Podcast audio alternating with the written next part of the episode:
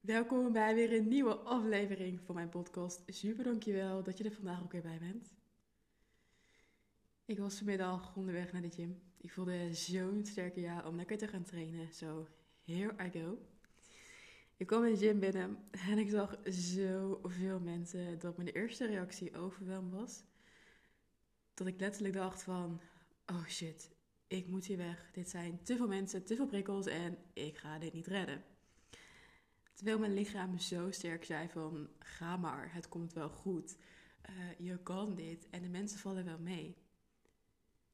En ik ben dat gevoel gaan volgen en het was zo bijzonder wat er gebeurde.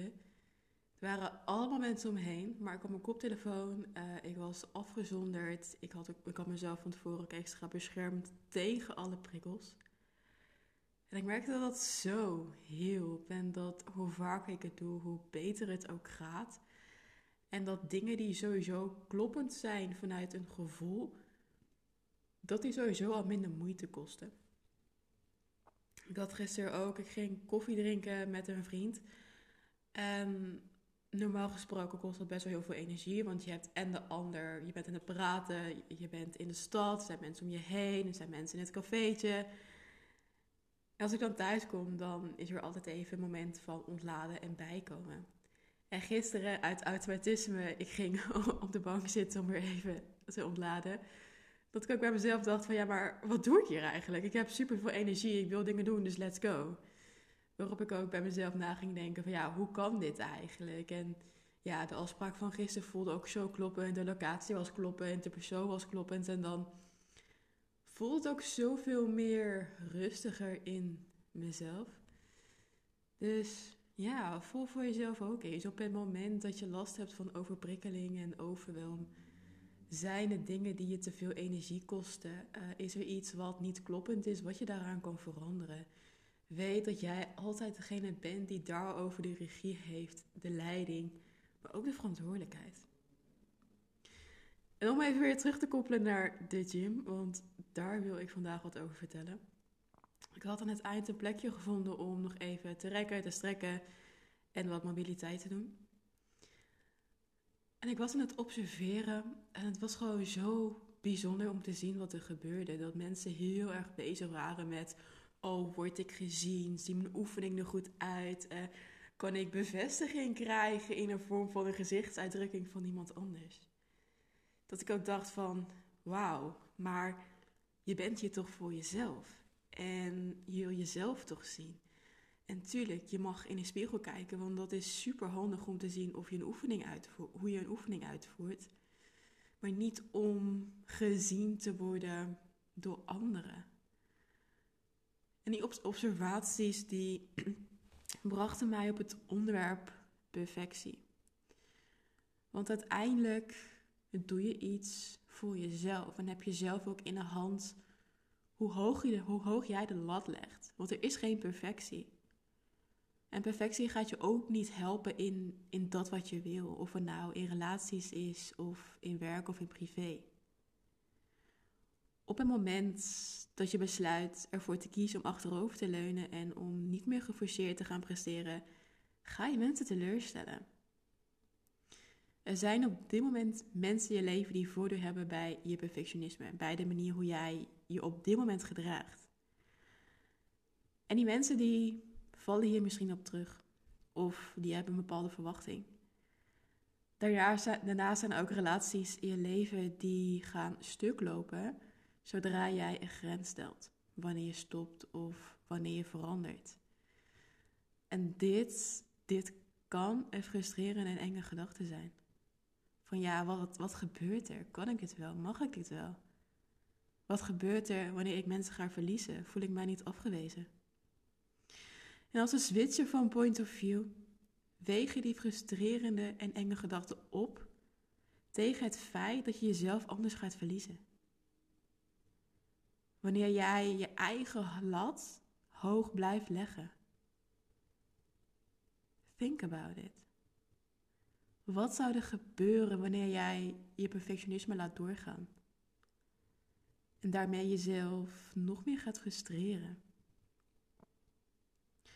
En laat me je even meenemen. Je perfectionisme en het beeld wat je wilt afgeven aan je omgeving is niet alles. En toch zijn we een samenleving geworden wat geobsedeerd is geraakt door dat stukje imago, door perfectionisme. Of beter gezegd, de maskers die we allemaal dragen. En ik wil hiermee niet zeggen dat een masker per se fout is. Een masker is soms ook heel fijn en beschermend voor je op het moment dat er een vervelende of lastige situatie is. Of een situatie waarin je aangevallen wordt en je jezelf door een masker gaat beschermen. Alleen er zijn ook heel veel situaties waarin een masker niet is wie je bent. En een masker overbodig is omdat jij niet je echte zelf bent. En iemand, het nadoen van iemand anders kost altijd veel meer energie dan het echt zijn van jezelf. En of het nu gaat om je imago richting de mensen om je heen, van je bedrijf of de manier waarop jij jezelf laat zien op sociale media. Je obsessie met perfectionisme en je imago heeft je weggehaald van wat er echt toe doet. En dat is wie jij bent. Wie ben je als er niemand bij je is? Wie ben je achter gesloten deuren? En wie ben je wanneer er even niemand voor je zorgt en voor je is? Wie ben je dan? En wat doe je? Wat is dan voor jou belangrijk? En dit gaat over compassie, over aanwezig zijn in jezelf en lijden met alles wat jij bent. Jezelf zijn is zijn wie je echt bent. In plaats van iemand nadoen of nastreven wie je niet bent. Of bevestiging halen of krijgen van mensen die, die niet eens belangrijk voor je zijn. Dus stop met doen alsof en start met beginnen te zijn. Niet in perfectie, maar juist ook met experimenteren. Zodat je kan vallen, kan leren, maar ook weer kan opstaan. En in die reis de informatie verzamelt die jij nodig hebt. Als ik kijk naar mezelf, ben ik hier gekomen doordat ik duizend of misschien wel vaker ben gevallen. Maar dat ik ook op elk moment weer voelde van, oh, maar ik kan ook weer opstaan. En ik heb informatie gewonnen over dat wat ik wil, maar ook over dat wat ik niet wil. En zo kom ik verder in het leven. Ontdek maar en ervaar maar alle sensaties in, in jou en in je lichaam.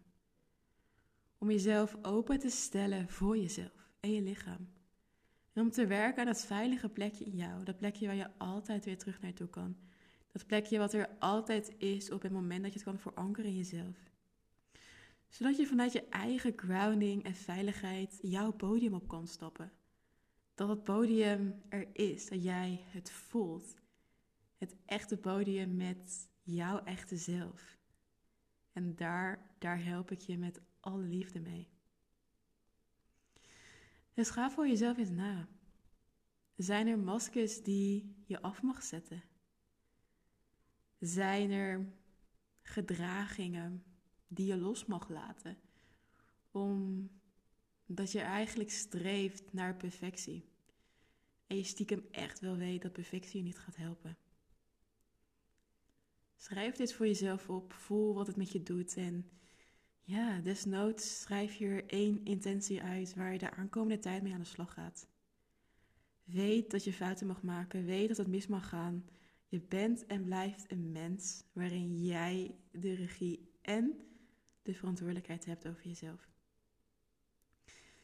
Dit is wat ik vandaag met je wil delen.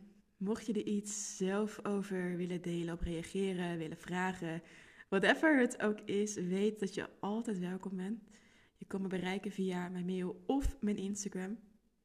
Dan wil ik je super erg bedanken voor het luisteren en tot in de volgende podcast.